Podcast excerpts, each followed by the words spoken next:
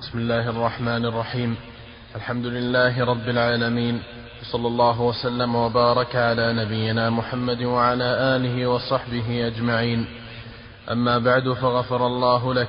يقول الإمام مسلم رحمه الله تعالى في صحيحه وحدثني زهير بن حرب قال حدثنا الوليد بن مسلم قال حدثنا صفوان بن عمرو عن عبد الرحمن بن جبير بن نفير عن أبيه عن عوف بن مالك الأشجعي رضي الله عنه قال خرجت مع من خرج مع زيد بن حارثة في غزوة مؤتة ورافقني مددي من اليمن وساق الحديث عن النبي صلى الله عليه وسلم بنحوه. غير أنه قال في الحديث قال عوف فقلت يا خالد أما علمت أن رسول الله صلى الله عليه وسلم قضى بالسلب للقاتل؟ قال بلى ولكن استكثرته. حدثنا زهير بن حرب قال حدثنا عمر بن يونس الحنفي قال حدثنا عكرمة بن عمار قال حدثني إياس بن سلمة قال حدثني أبي سلمة بن الأكوع رضي الله عنه قال غزونا مع رسول الله صلى الله عليه وسلم هوازن فبينا نحن نتضحى مع رسول الله صلى الله عليه وسلم إذ جاء رجل على جمل أحمر فأناخه ثم انتزع طلقا من حقبه فقيد.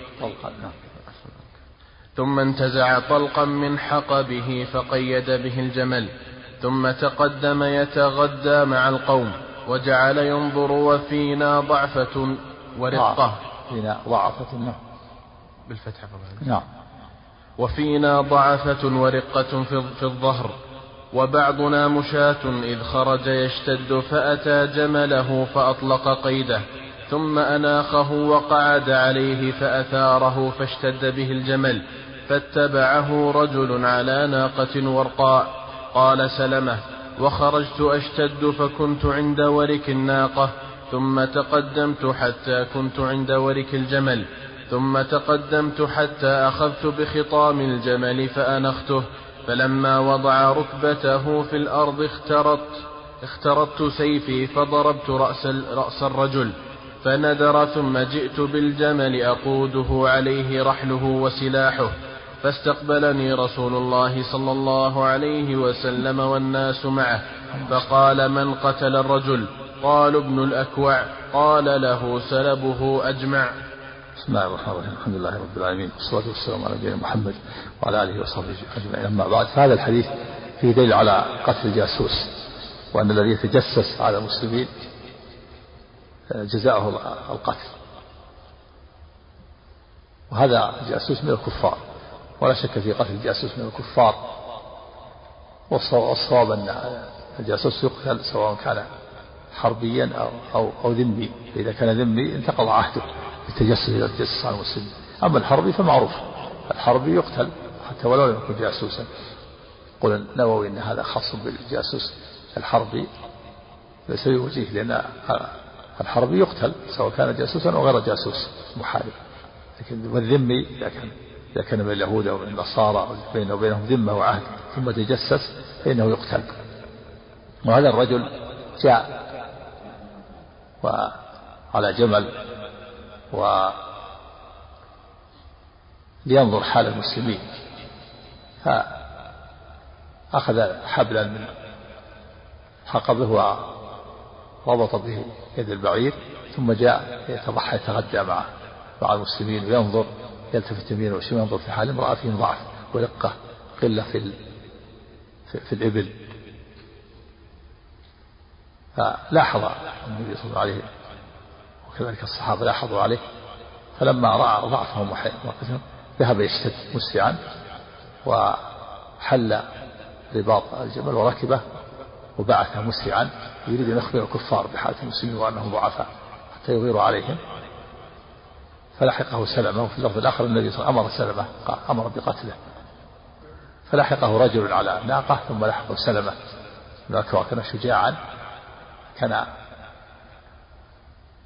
كان أقدر على عليه من من صاحب الناقة. جاء عند ورك جمل وأخذ بخطامه فلما وضع الجمل رجله في على الأرض اختلط سلمة سيفه وضرب عنق هذا الرجل الجاسوس حتى ندى حتى سقط رأسه في الأرض ثم جعل يقود الناقة وعليها رحله وسلاحه استقبل النبي صلى الله عليه وسلم فقال من من قتله؟ قالوا سلامة بن الأكوع. قال له سلبه أجمع. وهذه سجع غير مقصود. سجع غير مقصود وغير متكلف في دليل على أن القاتل من المسلمين القاتل إذا قاتل الكفار له سلب القتيل. والسلب ما يكون على ما يكون مع القتيل من سلاح وثياب ودابة. وهذا وهذا السلب ليس من الخمس وإنما هو من رأس الغنيمة كما يظهر هو من رأس الغنيمة. فكان لسلمة سلاحه وناقته ناقة, ناقة وثياب هذا الرجل. نعم. الله فمن تجسس على المسلمين فإنه يقتل حتى على ولو كان مسلما على الصحيح. نعم. حق الجاسوس القتل. نعم. يجسس على المسلمين. ويوصل أخبارهم إلى الكفار. نعم. نعم. نقل أخبار المسلمين. نعم. المسلمين أعداء المسلمين. ينقل أخبار المسلمين للمسلمين. المسلم ما هو بعد المسلمين المسلم. لا لا. ما, ما يرد هذا نعم نعم. حدثنا زهير بن حرب قال حدثنا حدثنا عمر بن يونس قال حدثنا عكرمة بن عمار قال حدثني إياس بن سلامة قال حدثني أبي قال غزونا المسلم أخو المسلم لا ظلمه ولا اسم واحد ولا يحقره كيف يقال من أخبار المسلمين؟ يسرون المسلمين. المسلمون يسرون بسرور المسلمين ويألمون لألمهم. والمؤمنون والمؤمنات بعضهم أولياء بعض؟ يأمرون بالمعروف وينهون عن المنكر. المسلم ولي.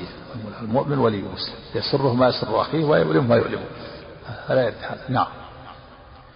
حدثنا زهير بن حرب قال حدثنا مسلم يساعد يونس. إذا نقل خبر المسلم إلى المسلم يساعد. إذا كان فيه رقة وضعف أعانه. ساعد, ساعد المسلمين. إذا كان يعني يريد أن يخبر بحال المسلمين حتى يساعدوا إخوانهم ويكونوا معهم. طيب هذا طيب. هذا من الإيمان ومن التقوى. أو مثلا أو يخبر المسلمين بأنهم بخير وبقوة وعندهم خير ونشاط فيفرح المسلمون ويسرون بذلك. نعم. حدثنا زهير بن حرب قال حدثنا عمر بن يونس قال حدثنا عكرمة بن عمار قال حدثني إياس بن سلمة قال حدثني أبي قال غزونا فزارة وعلينا أبو بكر. أمره رسول الله صلى الله عليه وسلم علينا فلما كان بيننا وبين الماء ساعة أمرنا أبو بكر فعرسنا ثم شن الغارة فورد الماء فقتل من قتل عليه فقتل من قتل عليه وسبى وأنظر إلى عنق من الناس فيهم الذراري فخشيت أن يسبقوني إلى الجبل فرميت بسهم بينهم وبين الجبل فلما رأوا السهم وقفوا فجئت بهم أسوقهم وفيهم امرأة من بني فزارة عليها قشع من أدم قال القش القشع النطع معها ابنة لها. النطع. نعم. قال القشع النطع. معها ابنة لها من أحسن العرب فسقتهم حتى أتيت بهم أبا بكر فنفلني أبو بكر رضي الله عنه ابنتها فقدمنا المدينة وما كشفت لها ثوبا فلقيني رسول الله صلى الله عليه وسلم في السوق فقال يا سلمة هب لي المرأة فقلت يا رسول الله والله لقد أعجبتني وما كشفت لها ثوبا. ثم لقيني رسول الله صلى الله عليه وسلم من الغد في السوق فقال لي يا سلمة هب لي المرأة لله أبوك. فقلت هي لك يا رسول الله فوالله ما كشفت لها ثوبا. فبعث بها رسول الله صلى الله عليه وسلم إلى أهل مكة ففدى بها ناسا من المسلمين كانوا أسروا بمكة. نعم وهذا فيه شجاعة سلمة بن الأكوع رضي الله عنه. فهو من ال... من من الشجعان رضي الله عنهم الأقوياء. وفيه أن سلمة رضي الله عنه ساق عنقا من النساء والذرية. في هذه الغنيمة وفيها أن أنهم غاروا على بني فزارة عرسوا آخر الليل والتعريس هو نزول المسافر آخر الليل ليستريح. ثم شنوا الغارة فغنموا. فساق فساق سلمة رضي الله عنه عنقا من النساء والذرية. لما رآهم يمشون يعني عدد كبير يمشون إلى الجبل يريدون أن يحتموا بالجبل وهو بعيد عنهم. خشى أن يسوق خشي أن يسوق الجبل فرمى بسهم بينهم وبين الجبل. فلما رأى السهم وقفوا حتى وصلهم ثم جعل ساقهم كلهم. ساق هذا العنق الكثير غريبا فنفله أبو بكر رضي الله عنه. هذه البنت فيه, فيه امرأة وبنتها هذه البنت الجميلة نفلها أبو بكر سلم بن الأكوع في دليل على جواز استرقاق العرب فزرة من العرب والرد على من قال ان العرب لا يسرقون فإذا قتل العرب كانوا كفارا فإنهم يسرقون كغيرهم كالعجم لا فرق بين العرب والعجم. فالرق سببه الكفر فالكافر يقاتل سواء كان عربيا أو عجميا ويسترق. رحمك الله. وفيه دليل على أن القائد ينفل له أن ينفل بعض بعض أفراد الجيش إذا كان له تأثير. ولذلك رحمك الله نفل أبو بكر رضي الله عنه سلمة هذه البنت والتمثيل هو هو أن يعطي قائد الجيش شيئا من الغنيمة لبعض أفراد الجيش الذي له تأثير. فنفذها أعطاه البنت. التمثيل ظاهر التمثيل من رأس الغنيمة قبل أن تقسم. ثم الغنيمة يؤخذ منها الخمس لله وللرسول وأربعة أخماس للغالبين وهذا التمثيل من رأس الغنيمة وكانت هذه البنت جميلة عليها قشر من من أدم من جلد وكانت أعجبت سلمة يعني يريد أن يتسراها. السيد إذا ملك امرأة اشتراها له أن يتسراها يعني جامعها وله أن يزوجها وله أن يبيعها. فسلمة سلمة أبقاها أعجبته فلقيه النبي صلى الله عليه وسلم فقال له هب لي المرأة يا سلمة هب لي المرأة. فيه دليل على استهاب الرئيس والقائد من أحد أفراد الجيش. ما يكون في استهابه يعني يطلب أن يطلب منه الهبة هبة بعض ما غنمه من الغنيمة للمصلحة. قال سلمة يا رسول الله إنها أعجبتني والله ما كسبت لها ثوبا. يعني ما جاء معها ثم لقيه المرة الثانية فقال هب لي المرأة لله أبوك. يعني حث له. فقال يا رسول الله هي لك والله ما كشفت لها ثوبا. والنبي صلى الله عليه وسلم لا يريد هذه المرأة له ولا يريد أن يسراها وإنما يريد بها مصلحة المسلمين. ففاد بها وسار من المسلمين في مكة. في دليل على جواز مفادة مفادة أسرى المسلمين بالمرأة الكافرة التي إذا كانت رقيقة.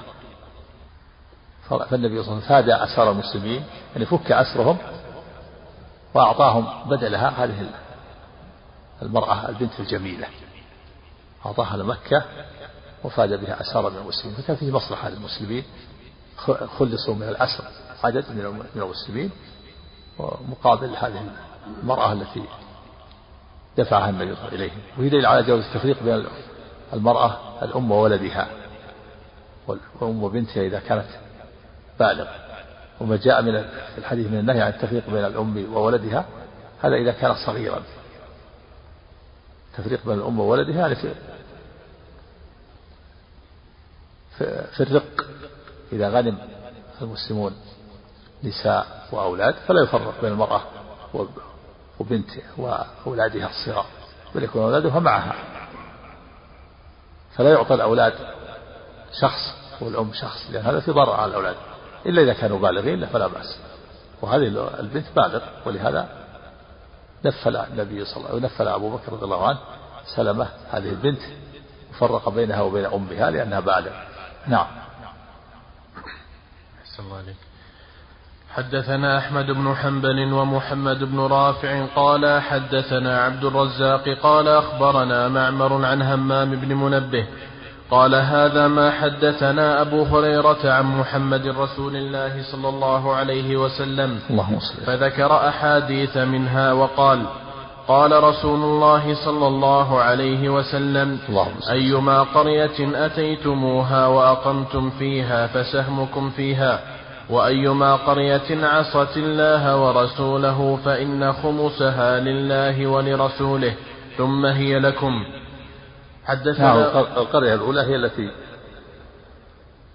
حصلت المسلمين من دون قتال بل جلى أهلها عنها أو صالحوا عليها من دون قتال وأقاموا فيها مثل أرض الشام والعراق. فإن هذه هذه هي القرية التي هذه فهذه أرض السواد والشام حصلت المسلمين فأقاموا فيها. سهمهم فيها يعني يكون لهم نصيبهم كسائر الأعطيات وأينما قرة عصت الله ورسوله فهي ف فخمسها لله وللرسول وأربعة أخماس للغانمين وهي التي فتحت عنوة.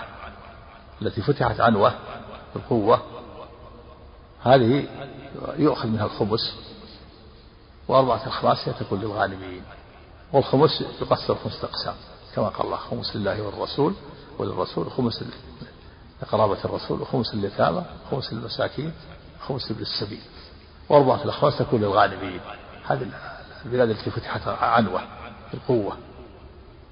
وأما التي فتحت الصلح صالح أهله عليه أو جلوا عنها من دون قتال فهذه تكون للنبي صلى الله عليه وسلم. والمسلمون لهم لهم أعطيات لهم ما يخصهم من الأعطيات نعم. حدثنا قتيبة بن سعيد ومحمد بن عباد وأبو بكر بن أبي شيبة وإسحاق بن إبراهيم واللفظ لابن, لابن أبي شيبة.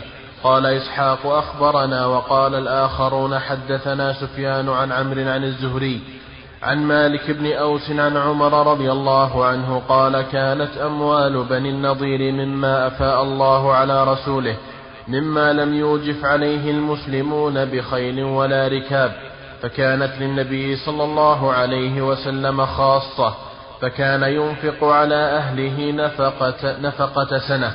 وما بقي يجعله في الكراع والسلاح عدة في سبيل الله. حدثنا يحيى بن هذا في, في دل على أن أموال بني النضير كانت النبي خاصة لأنها لم يحصل فيها قتال. جلى أهلها عنها وصالحوا عليها ولم يحصل فيها قتال فكانت النبي صلى الله عليه وسلم خاصة.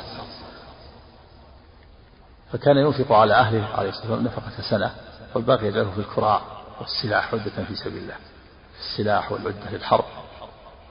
وفي دليل على أنه لا بأس ب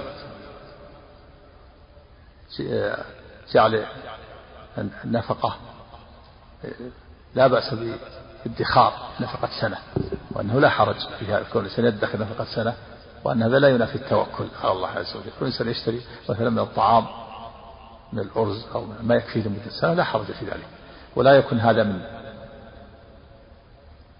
ولا ينافي التوكل إلا إذا كان هناك غلاء في الأسعار فلا يجوز للمسلم أن يضر المسلمين ويشتري ويخزن الطعام عنده حتى لا يضر بالمسلمين أما إذا في وقت الساعة فلا بأس. فالنبي صلى الله عليه وسلم كان هو سيد المتوكلين وأفضل المتوكلين ومع ذلك يدخر لأهله نفقة سنة. لكن تأتي عليه النفقات تأتي عليه النفقات قبل السنة تنتهي من الضيوف والنفقات الأخرى حتى يحتاج إلى أن يستدين عليه الصلاة والسلام. نعم فيه دليل على أن ما حصل من الغنيمة من الفيء من دون قتال فإنه لا لا يخمس وإنما يكون كله للنبي صلى الله عليه وسلم. فأموال بني النضير ما خمست من الفيء ما حصل فيها قتال. حصلت من دون قتال فلذلك كانت النبي خاصة. كان ينفق على أهله نفقة سنة والباقي يجعله في السلاح والقراءة والرد أما ما قتل عليه الكفار وأخذ منهم بعد القتال فهذا يكون غنيمة يسمى غنيمة. ينزع منه الخمس. وأربعة الخمس تكون الغانمين نعم. الله حدثنا يحيى بن يحيى قال أخبرنا سفيان بن عيينة عن معمر عن الزهري بهذا الإسناد. وحدثني عبد الله بن محمد بن أسماء الضبعي. قال حدثنا جويرية عن مالك عن الزهري. أن مالك بن أوس حدثه قال أرسل إلي عمر بن الخطاب رضي الله عنه فجئته حين تعالى النهار قال فوجدته يعني حين ارتفع النهار نعم. نعم. قال فوجدته في بيته جالسا على سرير مفضيا إلى إلى رماله متكئا على وس على وسادة من أدم يعني لأن هذا من من سعف النخل مفضيا إلى رماله. يعني إذا هذا السرير أو هذا الذي جعل من سعف النخل ليس بينه وبينه حاجز ليس بينه وبينه فاصل وإنما نام قد نام على السرير حتى أثرت أثر هذا السرير في في جسده. نعم. ليس عليه فراش ولا ولا شيء يقيه نعم. فوجدته في بيته جالسا على سرير مفضيا إلى رماله متكئا على وسادة من أدم. يعني هذا هو أمير المؤمنين عمر الخطاب الذي نصر الأبصار وفتح الفتوح ينام على على فراش من سعة النخل ليس عليه ليس عليه شيء يقيه حتى أثر في في جسده رضي الله عنه. نعم. فقال لي يا مالك إنه قد دف أهل أبيات من قومك وقد أمرت فيهم برضخ نعم دف يعني أسرعوا إلى أهل أبيات جاءوا فقراء أمرت لهم برضخ يعني بعطية تنفعهم نعم. ها؟ يا مالي عندك؟ يا مالي مال ترخيم. يا مال أو يا مالي؟ يا مالك. هذا الترخيم هو حذف بعض الاسم. يا مال أو يا مالي مثل عائشة يا عائش. قال في بعض الأحاديث قال يا عائش ترخيم. الترخيم حذف بعض الاسم. نعم. فاطمة يا فاطمة. من قول ابن القيس أفاطم مهلا بعض هذا التدلل نعم. وإن كنت يزمع في صرمي نعم. نعم. فقال لي يا مالي. إنه قد دف أهل أبيات من قومك وقد أمرت فيهم برضخ فخذه فاقتسمه بينهم. قال قلت لو أمرت بهذا غيري قال خذه يا مالي. قال فجاء يرفع فقال هل لك يا أمير يرفع اسم اسم شخص هو حاجب عمر اسمه يرفع. قال يرفع بالهمزة وبدون همزة حاجب عمر حاجبه اسمه يرفع. نعم نعم. قال فجاء يرفع فقال هل لك يا أمير المؤمنين في عثمان وعبد في عثمان وعبد الرحمن بن عوف والزبير وسعد؟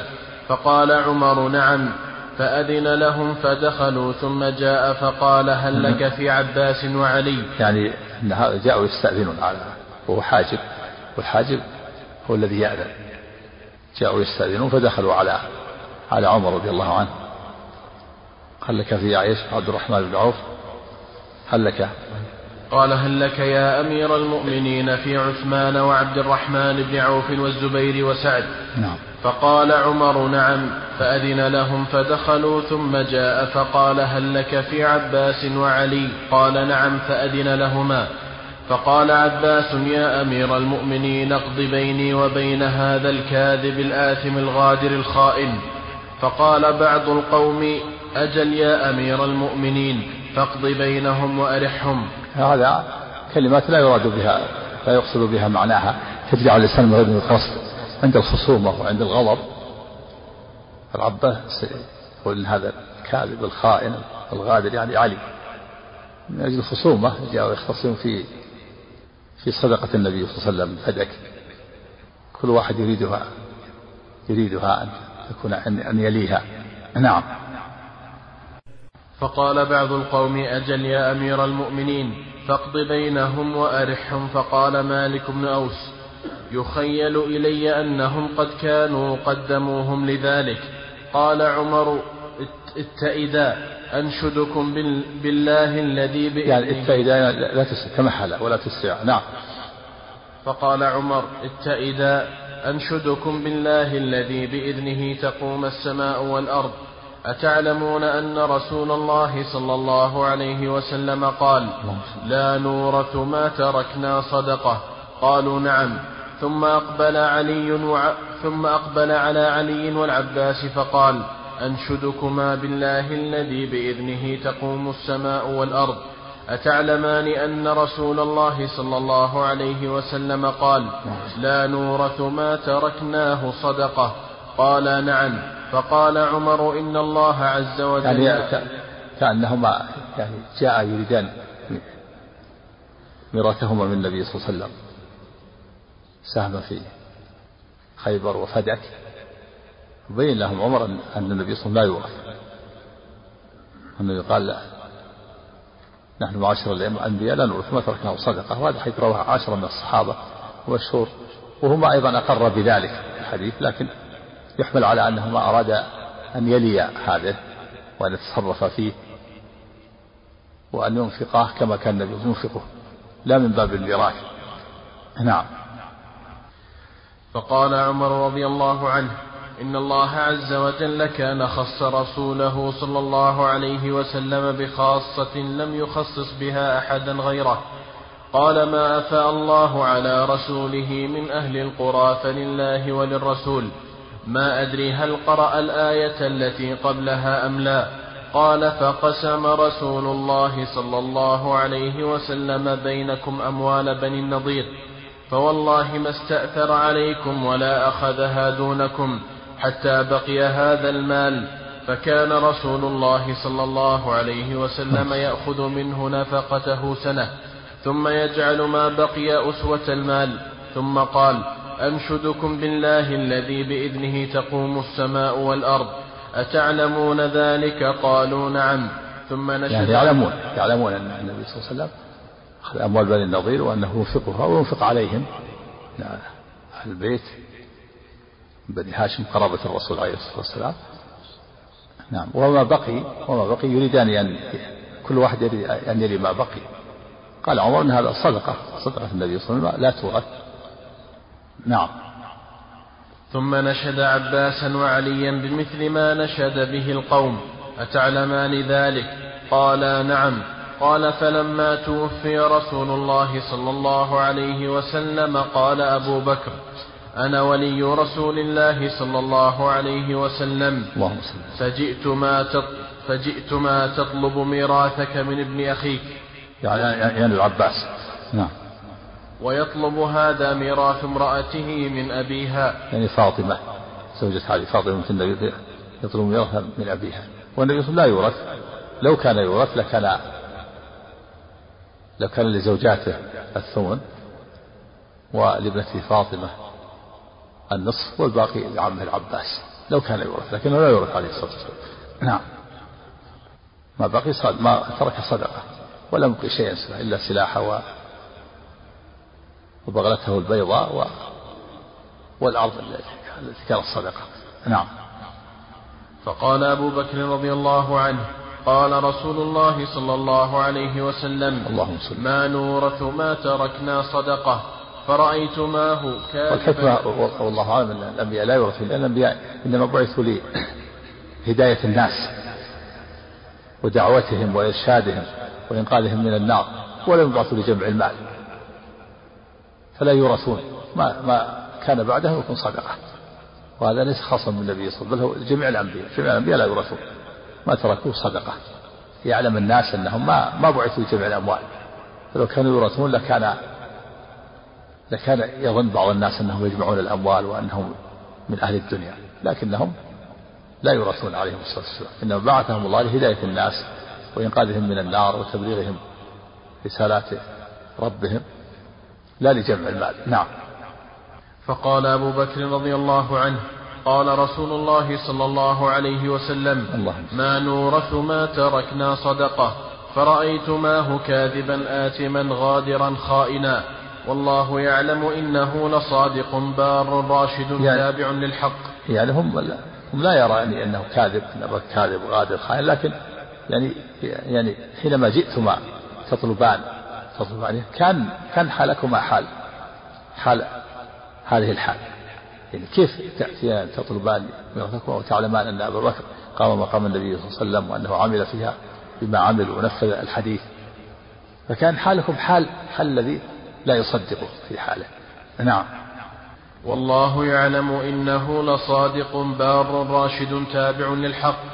ثم توفي أبو بكر رضي الله عنه وأنا ولي رسول الله صلى الله عليه وسلم. وولي أبي بكر. فرأيت ماني كاذبا آثما غادرا خائنا. يعني حينما جئتنا تطلبان تطلب يطلب ميراث علي يطلب ميراثه من ميراث زوجته من النبي صلى الله عليه وسلم وعباس يطلب ميراثه. كان حالكم حال الذي يظن أني لست راشدا. نعم. والله يعلم إني لصادق بار راشد تابع للحق. فوليتها ثم جئتني أنت وهذا وأنتما جميع وأمركما واحد فقلتما يعني ادفعها إلينا. متفقان متفقان. ولا تختلفان في في أن أدفع إليكم. يعني هذا صدقة النبي صلى الله عليه وسلم. نعم. نعم. فقلتما ادفعها إلينا. فقلت إن شئتم دفعتها إليكما على أن, علي على أن عليكما عهد الله أن تعملا فيها بالذي كان يعمل رسول الله صلى الله عليه وسلم. اللهم فأخذتماها, فأخذتماها بذلك. قال يعني؟ تصرف تصرفانه مصرف المصرف الذي يصرف فيه النبي صلى الله عليه وسلم. نعم. فأخذتماها بذلك. قال أكذلك. قالا نعم. صدقا في ذلك. نعم. نعم. قال ثم- جئتماني لأقضي بينكما ولا والله لا أقضي, بي لا أقضي بينكما بغير ذلك حتى تقوم الساعة فإن عجزتما عنها فرداها إلي. حدثنا نعم.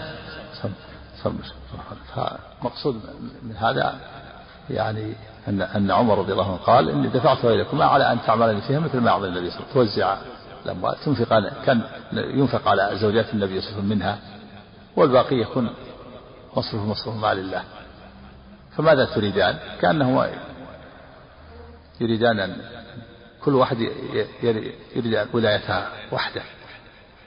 فالعباس يريد أن يريها وحده من دون ابن أخيه و... وعلي يريد أن يريها نفسه وحده من دون عمه. نعم. وحدثنا إسحاق بن إبراهيم ومحمد بن رافع وعبد بن حميد. قال ابن رافع قال حدثنا وقال الآخرون أخبرنا عبد الرزاق. قال أخبرنا معمر عن الزهري عن مالك بن أوس بن الح- بن الحدثان. قال أرسل إلي عمر بن الخطاب رضي الله عنه فقال إنه قد حضر أهل أبيات من قومك بنحو حديث مالك غير أن فيه فكان ينفق على أهله منه سنة وربما قال معمر يحبس قوت أهله منه سنة ثم يجعل ما بقي منه مجعل ما لله عز وجل. يعني يصرف في المصالح, في المصالح العامة نعم.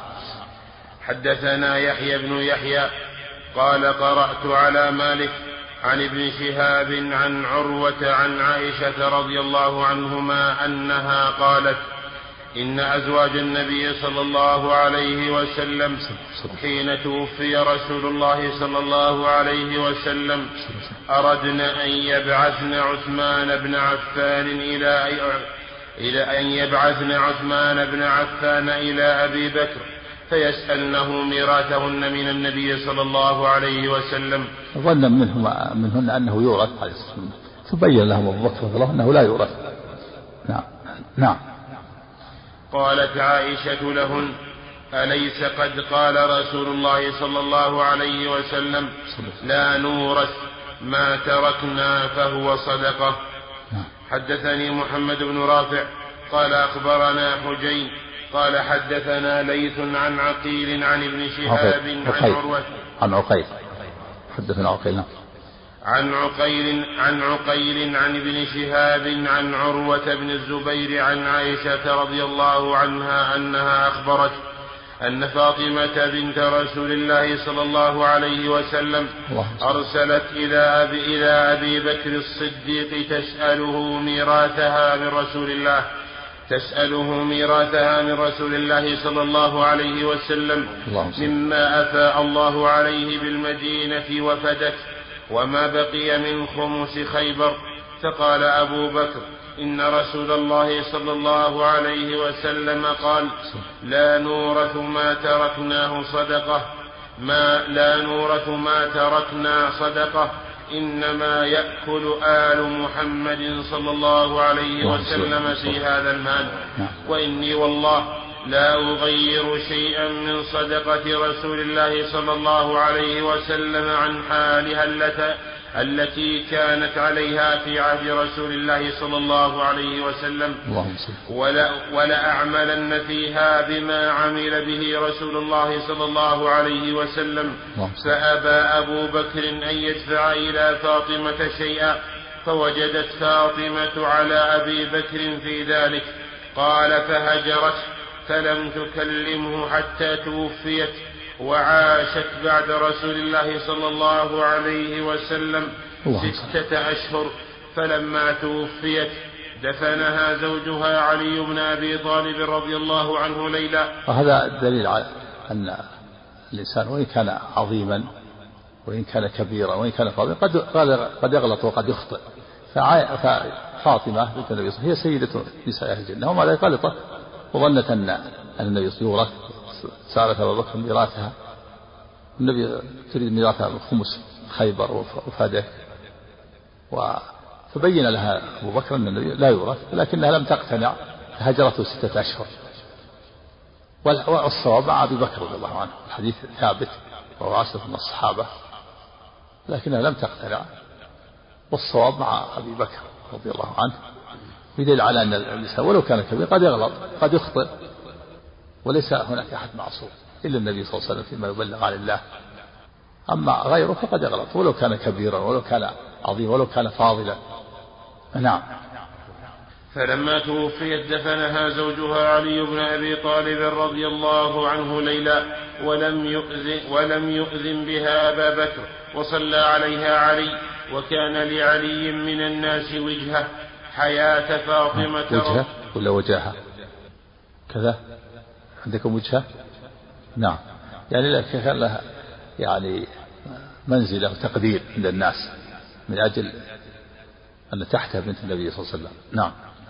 وكان لعلي وكان لعلي من الناس وجهة حياة فاطمة رضي الله عنها فلما توفيت استنكر استنكر علي وجوه الناس فالتمس مصالحة أبي بكر ومبايعته ولم يكن بايع تلك الأشهر فأرسل إلى أبي بكر أن ائتنا ولم ي ولم ي ولا يأتنا معك أحد كراهية محضر عمر بن الخطاب.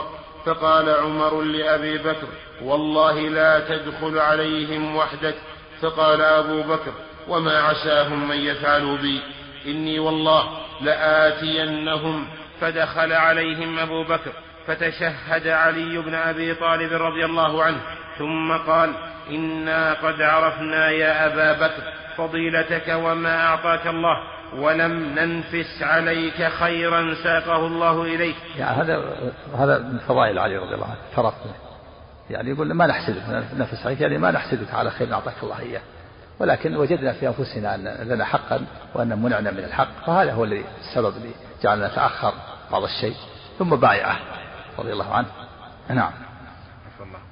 ولكنك استب ولكن يقول لا يريد أن يدخل مع عمر إن عمر رضي الله عنه عنده قوة وأبو بكر فيه لين. خشوا أن يتكلم عمر وأن يمنعهم من أن يتكلموا بما يريدون فلذا قالوا لا يحضر معك عمر.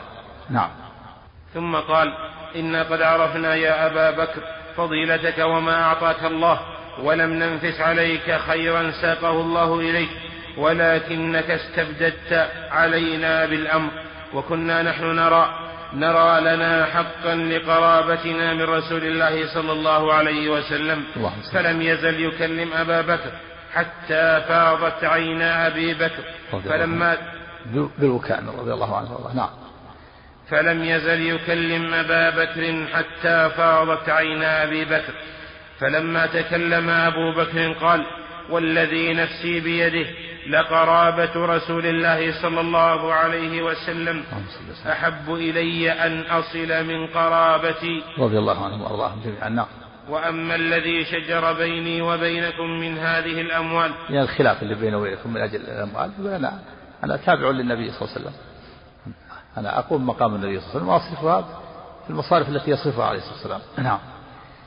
نعم. فإني لم آل فيها عن الحق. يعني لم أقصر. لم آل لم أقصر عن الحق. نعم.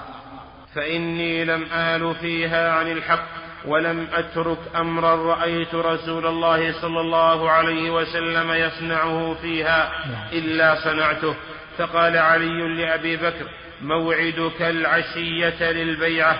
فلما صلى أبو بكر صلاة الظهر رقي على المنبر فتشهد وذكر شأن علي وتخلفه وتخلفه عن البيعة وعذره بالذي اعتذر إليه ثم استغفر وتشهد علي بن أبي طالب رضي الله عنه فعظم حق أبي بكر وأنه لم يحمله على الذي صنع نفاسة على أبي بكر. يعني ما حمل الحسد ما حمل الحسد إلا أنه وجد في نفسه أنه أن له بعض الحق وأنه ما أعطي بعض الحق وإلا أبو بكر له مكانته وله منزلته يعتقدها علي رضي الله عنه. نعم.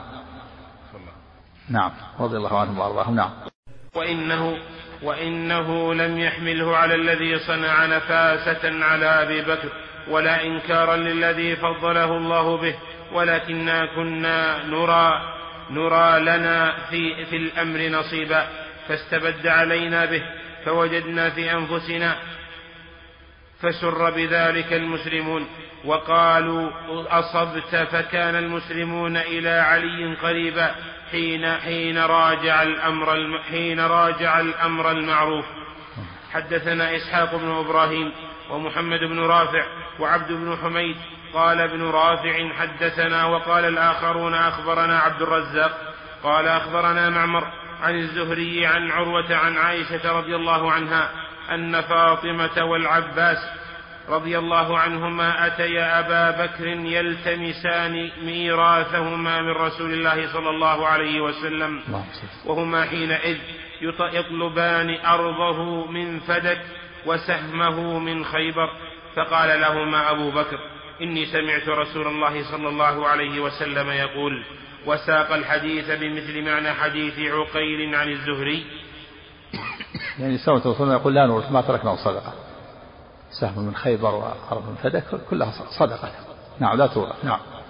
غير أنه قال ثم قام علي رضي الله عنه فعظم من حق أبي بكر وذكر فضيلته وسابقته ثم مضى إلى أبي بكر فبايعه فأقبل الناس إلى علي فقالوا أصبت وأحسنت وكانوا قريبا إلى علي حين قارب حين قارب الأمر المعروف. حين قارب الأمر المعروف. قارب حين قارب علي الأمر المعروف. نعم. حين قارب الأمر المعروف. وحدثنا ابن نمير.